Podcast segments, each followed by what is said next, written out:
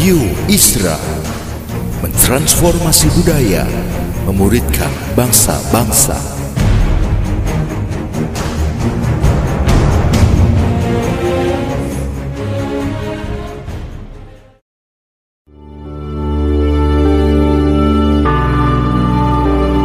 Apostolic Prophetic Messages mengungkapkan pesan dan arahan dari hati Tuhan bagi gerejanya demi menuntaskan mandat kerajaan Allah di Indonesia dan bangsa-bangsa. Selamat mendengarkan.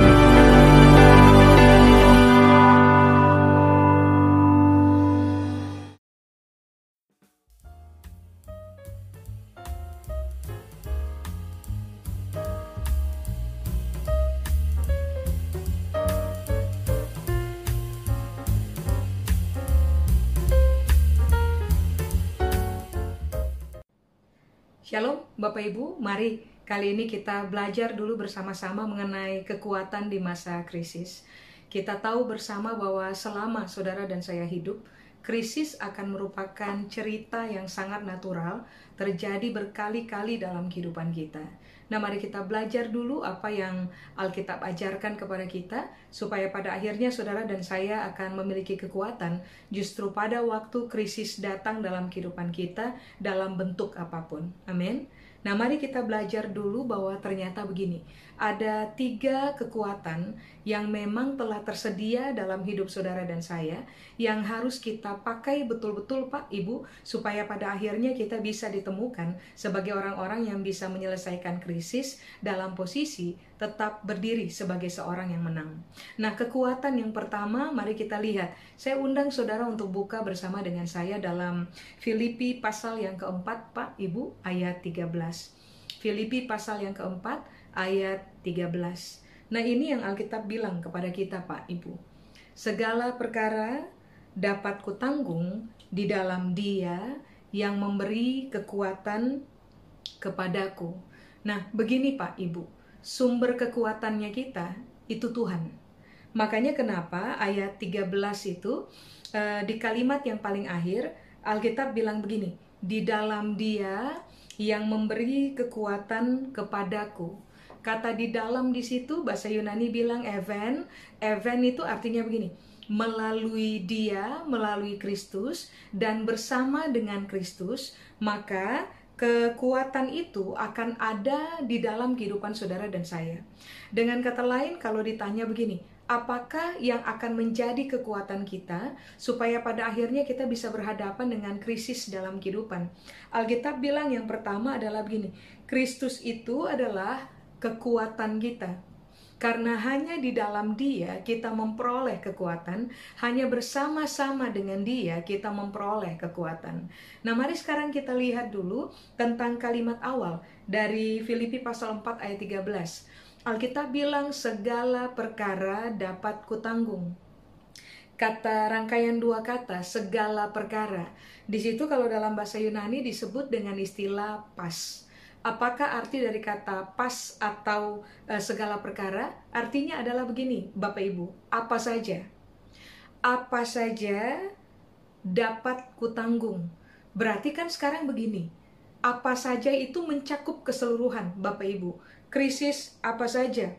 Proses yang kita hadapi, beban yang harus kita pikul, tekanan, realita hidup, kesusahan, kesesakan, apa saja yang menjadi sebuah masalah di depannya kita, ternyata ini yang Alkitab bilang, bisa kita tanggung. Kata tanggung di situ, Bapak Ibu, isyo. Isyo itu artinya adalah begini, akan ada kekuatan dari dalam yang bekerja di dalam kita sehingga akan menggiring kita kepada kemenangan. Saya ulang. Alkitab lagi bilang gini, apa saja yang saudara dan saya harus hadapi dalam kehidupan kita. Ternyata begini, di dalam Kristus, bersama-sama dengan Kristus, akan ada sebuah kekuatan di dalam kita yang bekerja karena kita ada di dalam Kristus, kita berjalan bersama dengan Kristus, maka ada satu kekuatan yang bekerja di dalam kita yang akan menggiring saudara dan saya untuk meraih kemenangan.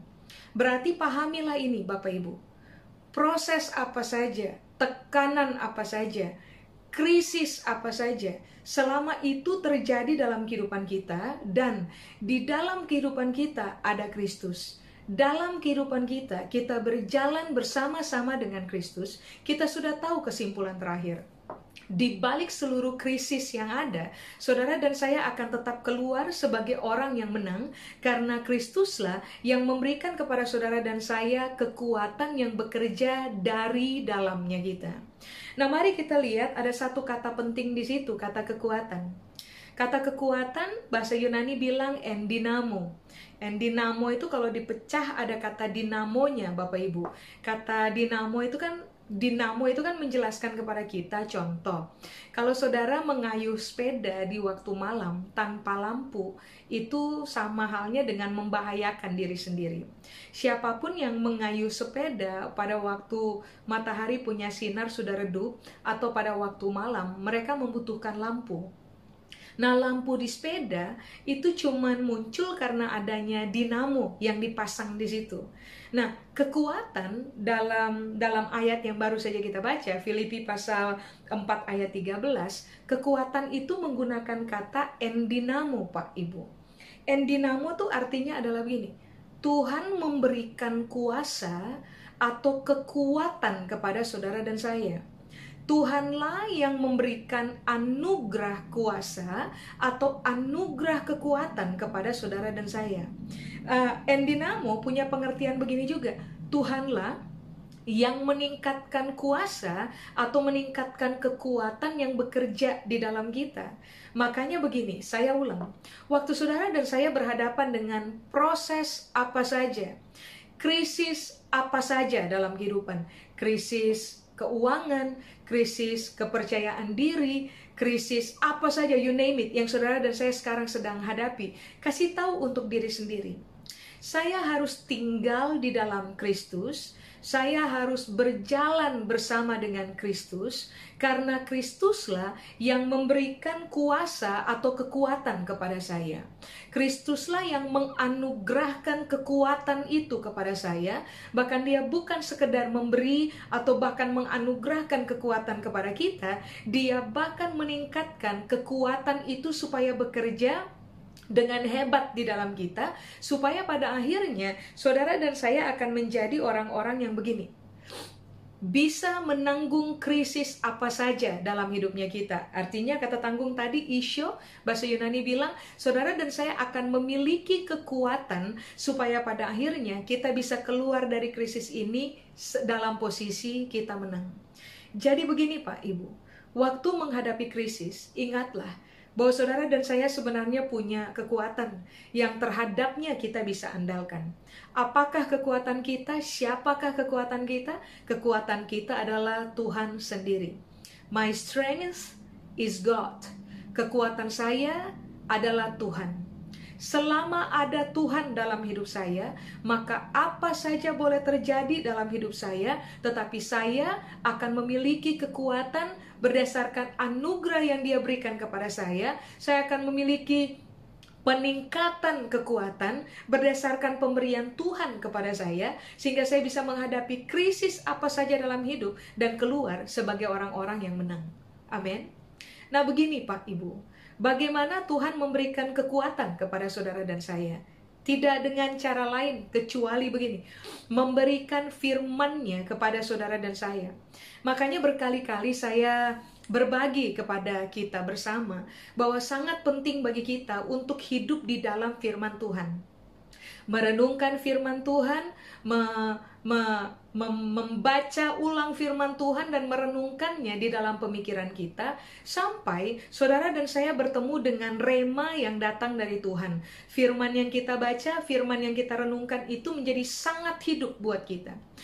Firman yang hidup itulah yang akan berubah menjadi kekuatan bagi saudara dan saya, supaya pada akhirnya waktu kita menghadapi apa saja dalam kehidupan, kita ini tidak tertunduk malu menghadapi masalah, kita tidak menyerah menghadapi masalah, tetapi kita menghadapi masalah dengan kepala tegak, sebab kita tahu bahwa ada Tuhan di dalam saya yang akan menganugerahkan kekuatan yang bekerja dengan hebat di dalam saya, sehingga saya bisa menghadapi perkara apa aja atau krisis apa saja. Dan cerita terakhir yang saya tahu adalah begini seberat-beratnya kisah hidup seberat-beratnya proses yang serah dan saya harus hadapi sebesar-besarnya krisis yang memang harus kita hadapi dalam kehidupan kita sudah tahu kesimpulan terakhir selama bersama dengan Tuhan saya pasti akan keluar sebagai orang yang menang Amin.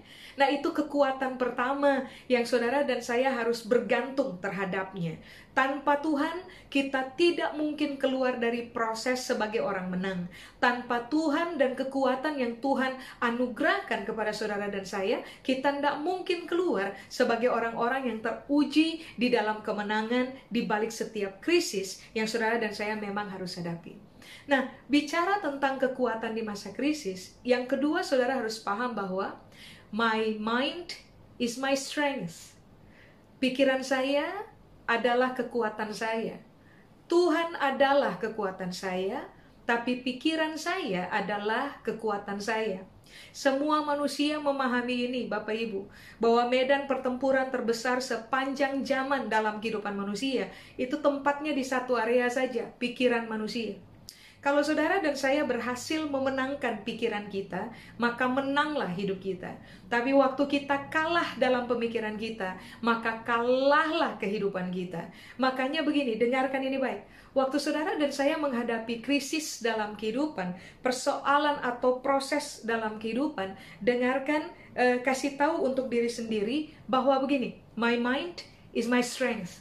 Pikiran saya adalah kekuatan saya. Mari saya undang saudara untuk buka bersama dengan saya Pak Ibu dalam Roma pasal 12 ayat yang kedua. Roma pasal 12 ayat yang kedua. Janganlah kamu menjadi serupa dengan dunia ini, tetapi berubahlah oleh pembaharuan budimu, sehingga kamu dapat membedakan manakah kehendak Allah, apa yang baik, yang berkenan kepada Allah, dan yang sempurna. Nah, ingat, kekuatan kita ada pada pikirannya kita. Saya ulang, lemah pikiran, lemah kehidupan. Kuat pikiran, kuatlah kehidupan. Sekarang ini yang Paulus ajar. Janganlah kamu menjadi serupa dengan dunia ini. Kata serupa di situ bahasa Yunaninya bilang punya arti adalah begini, janganlah kamu mengikuti gaya pikir atau gaya hidup dunia ini. Orang dunia terbanyak ketika mereka sudah tidak bisa lagi berhadapan dengan masalah, mereka akan menempuh jalan pintas mereka akan lari dari masalah. Mereka akan menyerah dalam kehidupan. Nah, ini yang Paulus bilang, jangan jadi serupa, jangan ikuti gaya pikir atau gaya hidup yang dikembangkan oleh orang-orang yang yang hidup di dunia yang tidak menjadikan Kristus sebagai Tuhan yang berdaulat atas kehidupan mereka. Saudara dan saya pada waktu menghadapi krisis, ingatlah ini baik, kita tidak sendiri Bapak Ibu. Tadi saya sudah jelaskan kepada saudara bahwa kita ini punya Tuhan. Tuhan yang ada di dalam kita, kita yang ada di dalam Tuhan, Tuhan yang berjalan bersama-sama dengan kita. Jadi mengertilah, waktu menghadapi masa krisis, jangan meratap berkepanjangan Pak Ibu. Jangan mengeluh berkepanjangan. Jangan men mengasihani diri berkepanjangan. Saudara dan saya nggak bisa atau nggak boleh mengikuti gaya pikir seperti ini atau gaya hidup seperti ini. Kita harus berubah dari gaya yang pada umumnya orang mengerjakannya. Orang-orang yang di luar Tuhan pada umumnya mengerjakannya. Lalu Paulus bilang begini, tetapi berubahlah oleh pembaharuan budimu. Kata berubahlah oleh pembaharuan itu uh, Alkitab bahasa Inggris bilang transforming by renewal of your mind. Jadi ini ini ini cara yang Alkitab bilang supaya kita nggak ikuti gaya berpikir atau gaya hidup dari dunia yang menolak pemerintahan dan kedaulatan Kristus dalam kehidupan mereka.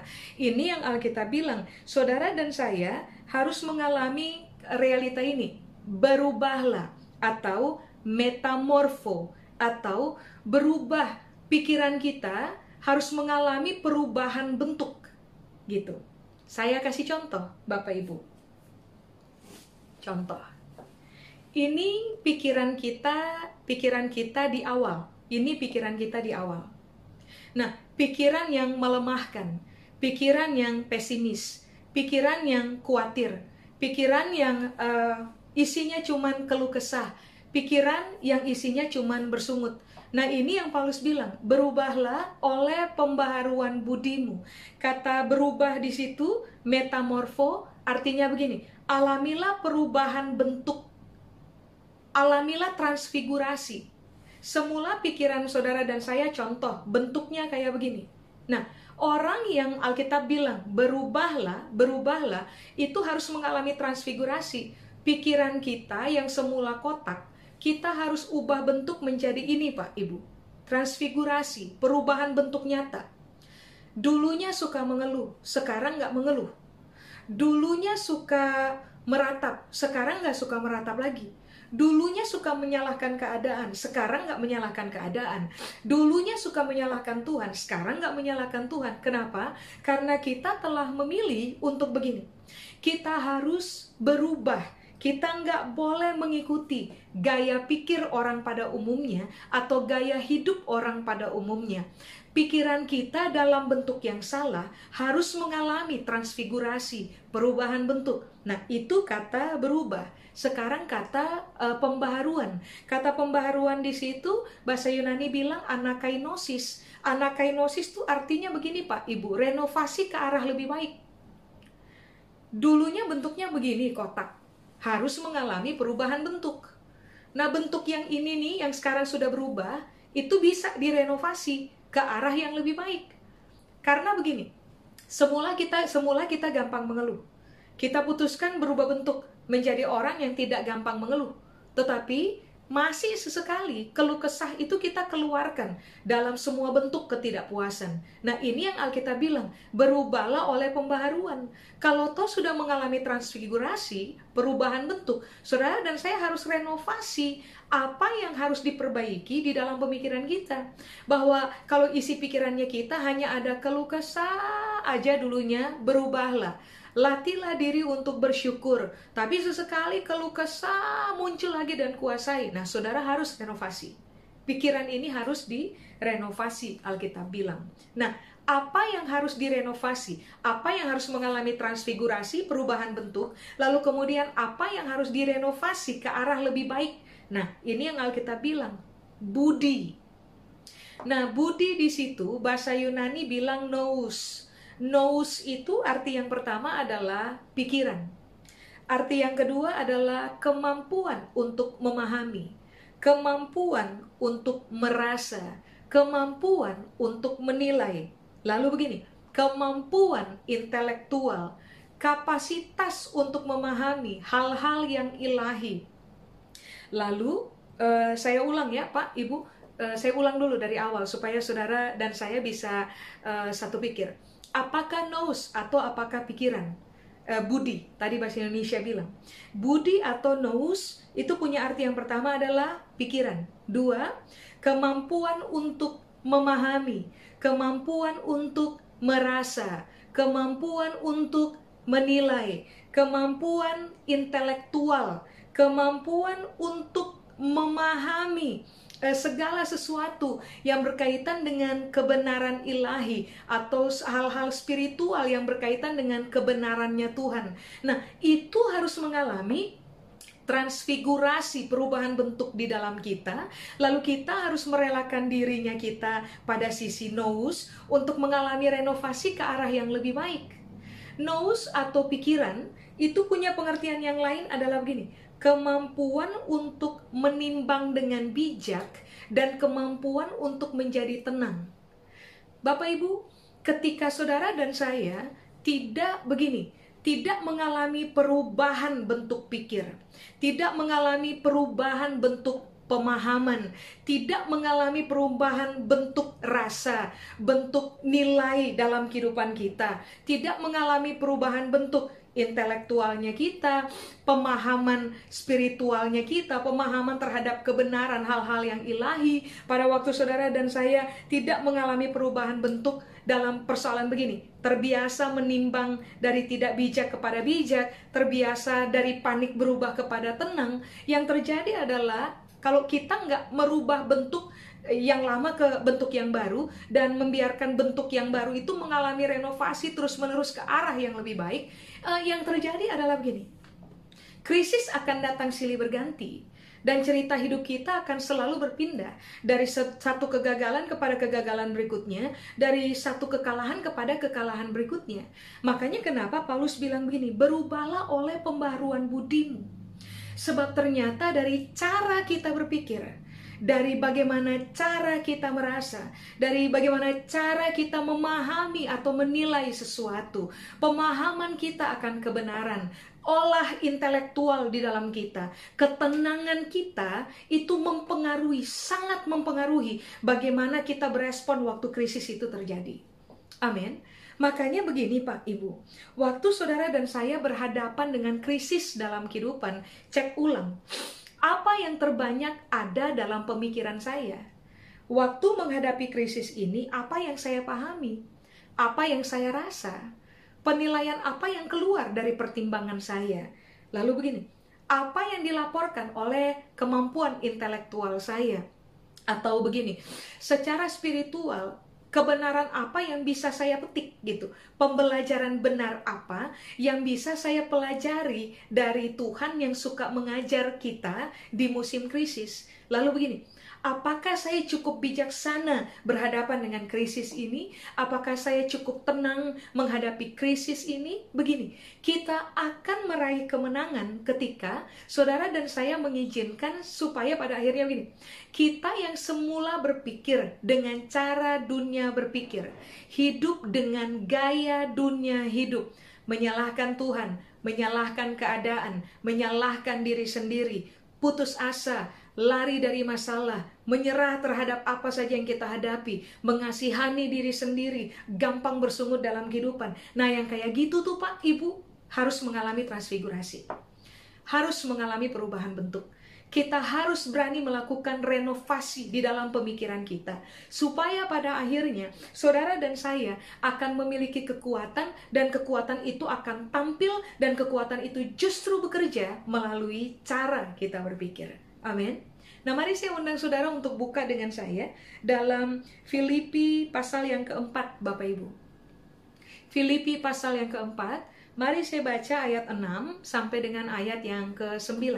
Filipi pasal 4, ayat 6 sampai dengan ayat yang ke-9. Ingat ini baik, Pikiran kalau nggak ditransfigurasi dan mengalami renovasi, kemampuan paham, kemampuan rasa, kemampuan menilai, uh, kapasitas intelektualnya kita, kapasitas kita mencerna kebenaran ilahi, lalu kita nggak menimbang dengan bijak, lalu uh, kita menjadi panik dalam kehidupan, itu nggak akan pernah bisa menolong kita hadapi krisis. Tetapi sebaliknya, pikiran yang mengalami renovasi, kemampuan memahami, kemampuan rasa, kemampuan menilai, kemampuan intelektual, kemampuan untuk memahami pesan ilahi, kebenaran spiritual, kebenaran ilahi dalam kehidupan kita, kemampuan untuk menimbang segala sesuatu dengan bijak, menjadi tenang. Lah, tahu ke saudara, itu kekuatan yang bisa menolong saudara dan saya untuk berhadapan dengan krisis apa saja dalam hidupnya kita. Secara kan poin pertama kita sudah tahu, ada Tuhan di dalam kita tapi hal kedua yang saudara dan saya harus perkuat di dalam diri kita adalah kekuatan berpikir. Sekarang mari lihat.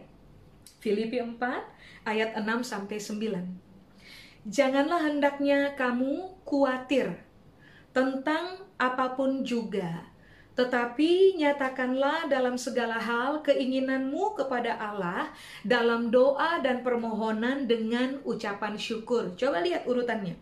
Satu, jangan khawatir. Dua, kalau hadapi masalah, cerita sama Tuhan. Tiga, naikkan ucapan syukur. Coba lihat, jangan khawatir, cerita sama Tuhan yang bekerja di dalam kita, yang berjalan bersama-sama dengan kita, lalu naikkan ucapan syukur. Ayat 7, damai sejahtera Allah yang melampaui, perhatikan, segala akal akan memelihara hati dan pikiranmu di dalam Kristus Yesus. Lihat perubahannya. Dari khawatir menjadi tidak khawatir dari terbiasa memikul dengan kekuatan pribadi, kita mm, bercerita kepada Tuhan yang adalah kekuatan kita. Yang dari biasanya suka bersungut berubah menjadi orang yang bersyukur. Ayat 7 bilang ini, kalau itu saudara dan saya buat, yang akan secara natural terjadi adalah damai sejahtera dari Allah itu akan bekerja di dalam hatinya kita uh, melampaui segala akal sebuah damai sejahtera yang akan bekerja untuk memelihara hati dan pikiran kita di dalam Kristus Yesus. Kalau damai sejahtera dari Tuhan telah bekerja di dalam hati dan pikiran saudara dan saya, maka yang akan terjadi adalah ini Pak Ibu. Saudara dan saya akan selalu dimampukan untuk bisa menghadapi apa saja dengan kekuatan yang datang dari Tuhan. Amin. Dimulai dari cara berpikir Pak Ibu. Lalu coba lihat ayat 8. Jadi akhirnya, saudara-saudara, semua yang benar, semua yang mulia, semua yang adil, semua yang suci, semua yang manis, semua yang sedap didengar, semua yang disebut kebajikan dan patut dipuji. Bagaimana? Alkitab bilang, pikirkanlah semuanya itu. Berarti kan ini yang Alkitab bilang. Persoalan paling inti supaya damai sejahtera Allah yang melampaui segala akal, memelihara hati dan pikiranmu, kamu harus memutuskan untuk begini, berhenti khawatir, uh, belajar untuk berserah, cerita sama Tuhan, terbiasa latih diri untuk bersyukur. Tapi lanjutannya ini yang Alkitab bilang, kalau ada hal yang harus dibangun dalam pemikiran saudara dan saya, maka hal itu adalah begini, Kata pikirkanlah pada ayat 8. Itu diambil dari kata logisomai. Logisomai itu artinya begini Pak, Ibu, jadikan sebagai inventaris. Delapan hal yang tertulis pada ayat 8. Semua yang benar, manis, adil, suci, uh, sorry, semua yang benar, manis, adil, suci, mulia, disebut kebajikan, patut dipuji, sedap didengar. Nah ini Paulus bilang, logisomai itu jadikan itu sebagai inventaris di dalam pemikiran kita. Hak e, barang milik di dalam kehidupannya kita gitu. Di dalam pemikirannya kita. Berarti kan sekarang ini yang perlu kita uji ulang Pak Ibu. Waktu saudara dan saya berhadapan dengan krisis pikiran yang kemudian terbentuk sebagai uh, harta di dalam pemikiran kita adalah pikiran-pikiran yang benar nggak adil nggak manis nggak mulia nggak uh, sedap didengar nggak disebut kebajikan nggak patut dipuji nggak. Ada delapan hal itu. Nah itu harus sangat menguasai isi pikirnya kita Sebab kalau saudara dan saya berpikir benar, responnya kita pasti benar. Kalau saudara dan saya berpikir manis, saudara dan saya nggak mungkin pahit waktu kita menghadapi krisis dalam kehidupan. Waktu saudara dan saya berpikir adil, kita punya cara melihat itu akan seimbang Pak Ibu. Kita punya cara menilai segala sesuatu itu akan sangat objektif. Justru pada waktu krisis itu datang dalam kehidupannya kita. Nah katalogi somai, pikirkanlah, itu pengertian yang kedua adalah begini. Perhitungkan sebagai alasan utama. Jadi begini, kalau saudara mau bicara sesuatu, perhitungkan inventaris pikiran kita sebagai alasan utama. Karena inventaris di dalam pikiran kita adalah apa yang benar, maka begini, jadikan itu sebagai alasan utama bagi kita untuk bicara. Jadikan itu sebagai alasan utama bagi kita untuk memberi respon. Jadikan itu sebagai alasan utama bagi kita untuk mempertontonkan sikap atau kelakuan. Makanya begini saya bilang kepada Bapak dan Ibu, bahwa waktu saudara dan saya berhadapan dengan krisis, ingatlah Tuhan itu kekuatan kita, tetapi pikiran kita adalah kekuatan kita. Kalau isi pikir kita, olah pikir kita, kita olah dengan konten yang benar, maka saudara dan saya sebenarnya adalah orang-orang yang secara natural akan punya kekuatan untuk bisa hadapi apa saja. Ingat, mari, mari kita kembali kepada prinsip awal. Besarlah besarlah kekuatan berpikir, besarnya kekuatan berpikir akan mempengaruhi besarnya kekuatan kita menghadapi apa saja. Kecilnya, ciutnya kekuatan berpikir akan membuat saudara dan saya kehilangan keberanian untuk menghadapi apa saja dalam kehidupan apa yang harus kita kerjakan sekarang uh, isi konten pemikiran kita dengan delapan hal yang tertulis pada Filipi pasal 4 ayat 8 supaya pada akhirnya saudara dan saya akan dikenal sebagai orang-orang yang mampu menghadapi apa saja karena kita hebat bukan. Karena Tuhan memberikan kekuatan kepada kita melalui firman-Nya firman-Nya merestorasi kita punya cara berpikir. firman-Nya menolong kita mengalami transfigurasi berpikir perubahan bentuk berpikir. Firman Tuhan mem membuat saudara dan saya mengalami renovasi dalam cara berpikir sehingga pada akhirnya kita ini menjadi orang-orang yang itu tuh tadi tuh Alkitab bilang kita mengalami perubahan pembaharuan cara berpikir yang akan mempengaruhi bagaimana kita bersikap waktu krisis terjadi ayat 9 Alkitab bilang Filipi pasal 4 dan apa yang telah kamu pelajari, dan apa yang telah kamu terima, dan apa yang telah kamu dengar, dan apa yang telah kamu lihat padaku, lakukanlah itu. Maka Allah sumber damai sejahtera akan menyertai kamu. Begini Pak Ibu, kalau saudara dan saya melatih diri kita untuk mengisi konten berpikir kita dengan hal-hal yang benar, manis, adil, suci, mulia, sedap didengar, disebut kebajikan, patut dipuji. Uh, kalau itu menjadi konten dalam isi pemikiran kita, yang akan terjadi adalah ini. Tuhan akan menyertai kita Lalu dia akan menganugerahkan damai sejahtera kepada saudara dan saya. Sehingga pada akhirnya kita itu akan menikmati ketenangan bahasa saya. Ketenangan yang supranatural waktu kita berhadapan dengan krisis. Menangis, iya. E, masalah besar di depan mata, iya. Tapi somehow ya, kita itu akan mengalami tenang di dalam. Kita bisa kuasai kita punya diri, kita bisa kuasai kita punya rasa, kita bisa memutuskan untuk mari dihadapi masalah dihadapi, jangan di jangan uh, jangan lari dari masalah, masalah harus dihadapi. Dan waktu kita menghadapinya, kita menghadapi dengan tenang dan ucapan syukur, kita menghadapinya dengan tenang dan akal budi yang telah diperbaharui, sehingga pada akhirnya itu tuh kekuatan akan bekerja di dalam kita, ke, ke, ke kemampuan untuk menjadi kreatif Tuhan akan kasih kepada saudara dan saya, sehingga pada akhirnya atas pertolongan Tuhan kita akan menemukan jalan keluar untuk krisis apa saja yang saudara dan saya hadapi.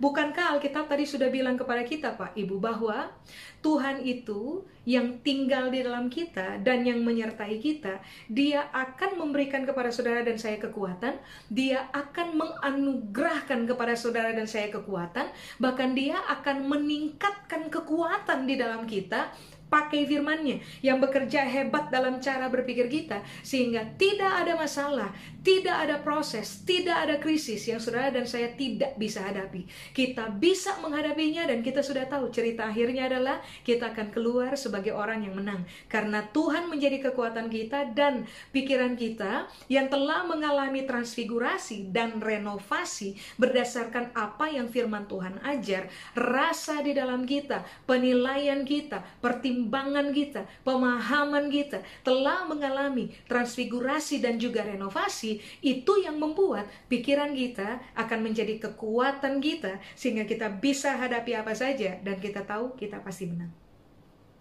Amin.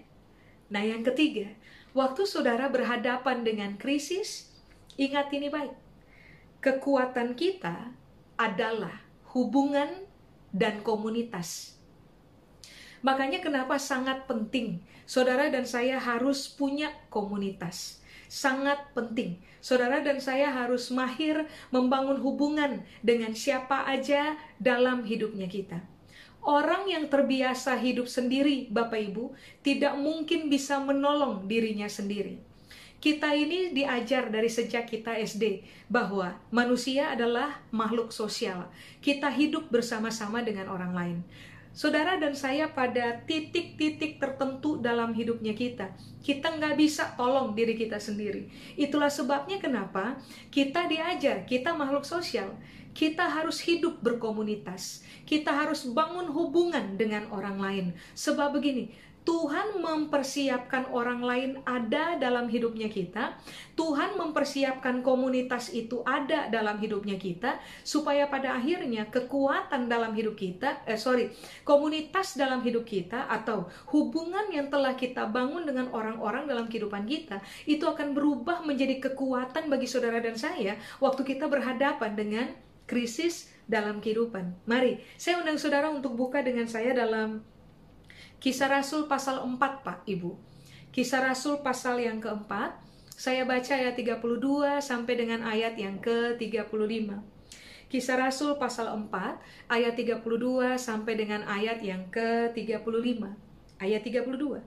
Adapun kumpulan orang yang telah percaya di situ, mereka sehati dan sejiwa dan tidak seorang pun yang berkata bahwa sesuatu dari kepunyaannya adalah miliknya sendiri, tetapi segala sesuatu adalah kepunyaan mereka bersama.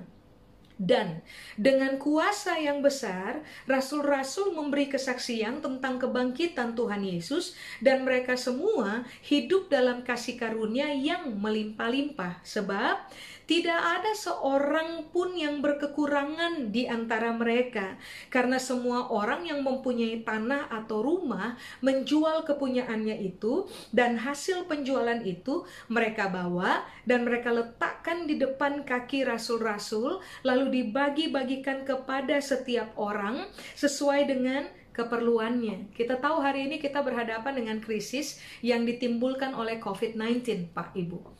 Ada banyak orang kehilangan lapangan pekerjaan. Ada banyak orang yang harus dirumahkan. Ada banyak orang tidak punya pegangan uang untuk bertahan hidup. Nah, penting pada area ini, saudara dan saya harus uh, hidup dalam komunitas. Uh, tadi saya sudah bilang, sangat penting. Komunitas itu harus jadi gaya hidupnya kita, Bapak Ibu mencintai hubungan dengan siapa saja itu harus menjadi gaya hidupnya kita. Ingat ini baik Pak Ibu. Kita nggak pernah tahu siapa dalam hubungan yang kita bangun bersama-sama dalam keseharian yang pada satu hari nanti Tuhan bisa pakai untuk menjadi malaikat bagi kita, menolong kita. Kita nggak pernah tahu. Tapi ini yang Alkitab bilang, hubungan itu selalu menyelamatkan orang dalam kehidupan. Jangan mempertahankan ego dan, dan rela membiarkan hubungan rusak, Pak Ibu Saudara dan saya harus memprioritaskan hubungan di atas segala-galanya. Artinya begini, bangunlah hubungan baik dengan orang. Minim, mini, minimalisasi konflik dalam hubungan. Kalau kita bisa mengampuni dalam hubungan, mainkan. Kalau kita bisa berdamai dalam hubungan, mainkan. Kalau ada perkara-perkara yang perlu kita anggap selesai dalam hubungan, mainkan. Hubungan itu penting. Ingat, saya bilang, kita nggak pernah tahu siapa nanti di kelak kemudian hari bisa Tuhan pakai untuk menjadi malaikat penolong bagi kita. Lalu begini, tinggallah dalam komunitas, jangan hidup sendiri. Ingat, saya tadi sudah bilang kepada Bapak dan Ibu, siapa pun hidup sendiri akan susah karena nggak ada yang menolong dirinya. Nah, tadi di ayat-ayat yang kita baca, kisah Rasul pasal 4 start dari 32 sampai 35, coba saudara lihat di ayat 32. Alkitab bilang begini, ada rahasia di dalam kekuatan berkomuni, ada rahasia di dalam kekuatan berkomunitas. Rahasia dalam kekuatan berkomunitas adalah ini Pak Ibu, sehati dan sejiwa. Jadi begini, kita suka bikin pesta bersama, makan rame-rame, tertawa rame-rame, belum tentu itu komunitas yang sehati dan sepikir. Komunitas hanya disebut sebagai komunitas yang sehati sepikir apabila ini yang terjadi. Pada waktu ada yang susah, pada waktu ada yang menangis, kita semua menangis bersama-sama. Pada waktu ada yang tertawa, kita kita tertawa semua bersama-sama. Komunitas yang sehat tidak akan begini, Pak, Ibu. Satu menangis, yang lain tertawa, yang satu yang lain tertawa, yang lain menangis. Enggak. Komunitas yang sehat adalah begini, menangis bersama-sama, tertawa bersama-sama. Makanya di ayat 32 ini prinsip berkomuni yang Alkitab bilang. Kekuatan sehati dan sepikirlah, sorry, sehati dan sejiwalah yang akan membuat orang berani berbagi seorang akan yang lain. Makanya kan tadi Alkitab bilang, nggak ada orang yang beranggapan bahwa miliknya adalah miliknya. Semua orang yang hidup dalam komunitas akan beranggapan milik saya, milik kamu juga kalau kamu kekurangan, saya akan bagi milik saya. Nah, itu kekuatan berkomunitas yang cuma muncul karena begini, Bapak Ibu. Orang telah ada pada posisi sehati dan sejiwa. Mari saya jelaskan, apakah sehati? Kata sehati di situ bahasa Yunani bilang kardia. Kardia di situ tuh artinya begini, Pak, Ibu. Satu pikir, satu rasa. Di kalangan orang Maluku, saya orang Ambon Pak Ibu, di kalangan orang Maluku uh, ada statement begini, ale rasa, beta rasa, yang Anda rasa, saya juga rasa.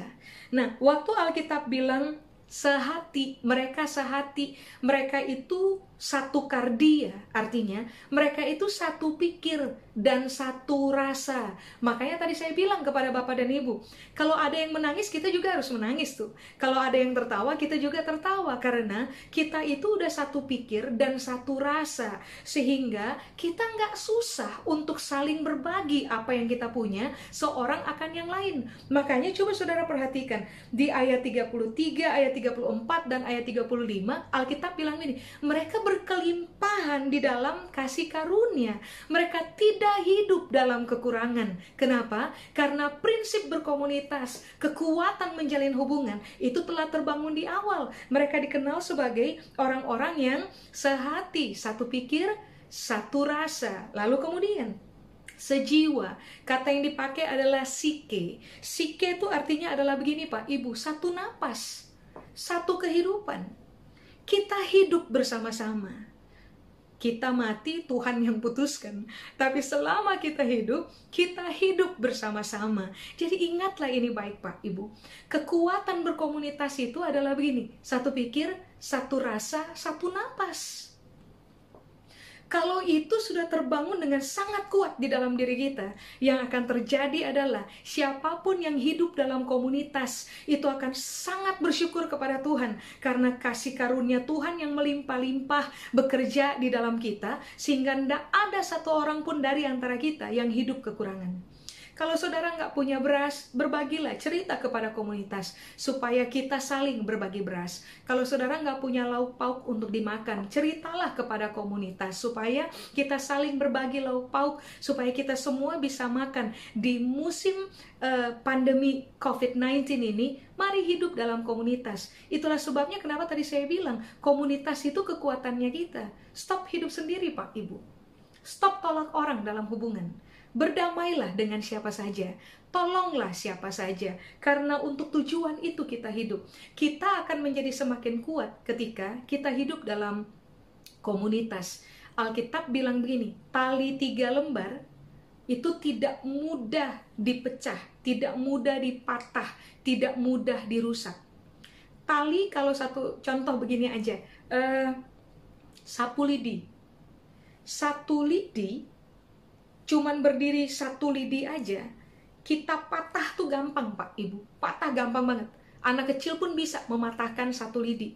Tetapi saudara bayangkan, ada sekian lidi berkumpul bersama, lalu diikat di dalam sehati dan sejiwa. Satu pikir, satu rasa, dan satu napas, satu kehidupan. Mau dipatah, susah. Mari saya tanya, pernahkah saudara berupaya untuk mematahkan satu buah sapu lidi dan saudara berhasil?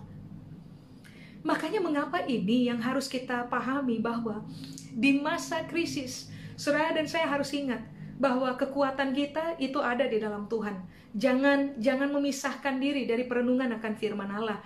Sebab Tuhan memberikan kekuatan buat kita dari dalam supaya kita bisa memenangkan apa saja dalam hidupnya kita. Tapi yang kedua, kekuatan kita adalah cara berpikir kita, isi pikir kita yang telah mengalami transfigurasi dan renovasi, mengalami perubahan bentuk yang salah kepada bentuk yang baru, mengalami renovasi dari pandangan yang salah kepada pandangan yang indah, pandangan yang baru. Semua yang benar, suci, manis, adil, mulia, sedap didengar, disebut kebajikan, patut dipuji. Saudara dan saya harus bangun di dalam kehidupan kita supaya begini, sehatlah kita, objektiflah kita, intelektual kita bagus, pemahaman kita bagus, penilaian kita bagus, isi pikir kita bagus, rasa kita bagus, pemahaman kita akan semua uh, kebenaran ilahi itu bagus, pertimbangan kita menjadi bijak, kita jadi orang yang tenang, semua orang pasti bisa selesai dalam menghadapi uh, bertahan menghadapi uh, krisis dan selesai sebagai orang-orang yang menang. Tetapi yang ketiga, ingat ini baik, jangan pernah hidup sendiri. Kalau saudara bermasalah dengan hubungan seorang akan yang lain, selesaikan masalah hubungannya Lalu hiduplah dalam komunitas. Komunitas yang Tuhan percayakan hidup bersama-sama dengan kita dan kita bersama-sama dengan komunitas yang Tuhan percayakan dalam kehidupan kita lah yang akan menjadi kekuatan buat kita. Sehingga kita tahu begini, kalau toh saya nggak bisa makan, saya punya komunitas, saya punya orang-orang yang bisa dipercaya, saya punya orang-orang yang bisa diandalkan, saya punya orang-orang dengan siapa saya berbagi uh, pikir, saya berbagi rasa, saya berbagi hidup, sehingga pada akhirnya kita nggak merasa kecil ketika minta tolong kepada komunitasnya kita. So kita tahu bahwa di dalam komunitas kita telah dilatih untuk hidup bersama-sama, satu pikir, satu rasa, dan satu napas, Pak Ibu, satu kehidupan. Amin. Jadilah orang-orang yang hargai sebuah hubungan dan jadilah orang-orang yang bisa dipercaya selama saudara dan saya hidup di dalam komunitas. Jangan bocor mulut, Jangan woro-woro penderitaan orang. Kalau ada sesama anggota komunitas yang menderita, mari kita pikul bersama-sama supaya pada akhirnya waktu mereka menang, kita pun akan ikut tertawa bersama dengan mereka melihat kemenangan hebat yang Tuhan kerjakan dalam kehidupan mereka di dalam sebuah komunitas yang kita ada bersama-sama di dalamnya. Amin. Mari kuatlah menghadapi krisis ini. Ada Tuhan yang menjadi kekuatan di dalam kita, pikiran kita yang telah direnovasi dan mengalami transfigurasi dalam Kristus yang akan menjadi kekuatan kita, tetapi hubungan yang baik dan kekuatan komunitas. Satu pikir, satu rasa, satu nafas akan menolong saudara dan saya sehingga kita bisa keluar dari krisis ini bersama-sama. Saya ulang sebagai orang yang menang. Amin. Saya selesai Pak, Ibu. Mari kita berdoa. Tuhan Yesus saya berdoa biarlah seluruh kebenaran ini Tuhan materaikan dalam pertimbangan kami, perenungan kami, supaya seumur hidup kami dikenal sebagai pelaku-pelaku kebenaran dan bukan hanya pendengar saja. Saya berdoa untuk semua saudara, kami semua yang sedang berhadapan dengan krisis, yang kami bahkan belum tahu kapan akan selesai. Kami tahu betul bahwa ada Tuhan yang menjadi kekuatan kami, ada pikiran kami yang yang telah diperbaharui yang akan menjadi kekuatan kami, ada hubungan dan ada komunitas yang akan jadi kekuatan kami. Kami akan hadapi krisis ini dengan kepala yang tegak, dengan jiwa yang tenang, dengan ucapan syukur, so kami tahu ini hanya musim yang akan berganti. Ini hanya cerita yang akan berakhir dengan kemenangan berpihak kepada kami. Ber berdoa untuk saudara-saudara yang mengalami keadaan lelah hadapi krisis, lelah hidup, uh, lelah bertahan, mulai putus asa. Saya berdoa biarlah kekuatan dari firman Tuhan me menganugerahkan kekuatan mutlak kepada saudara sehingga pada akhirnya saudara memperoleh kekuatan dari dalam dan menjadi menang menghadapi krisis ini. Waktu kami taat kepada firman, Tuhan memberkati kami. Kepada Tuhan seluruh kemuliaan di dalam nama Yesus kami berdoa. Amin. Radio Isra mentransformasi budaya, memuridkan bangsa-bangsa.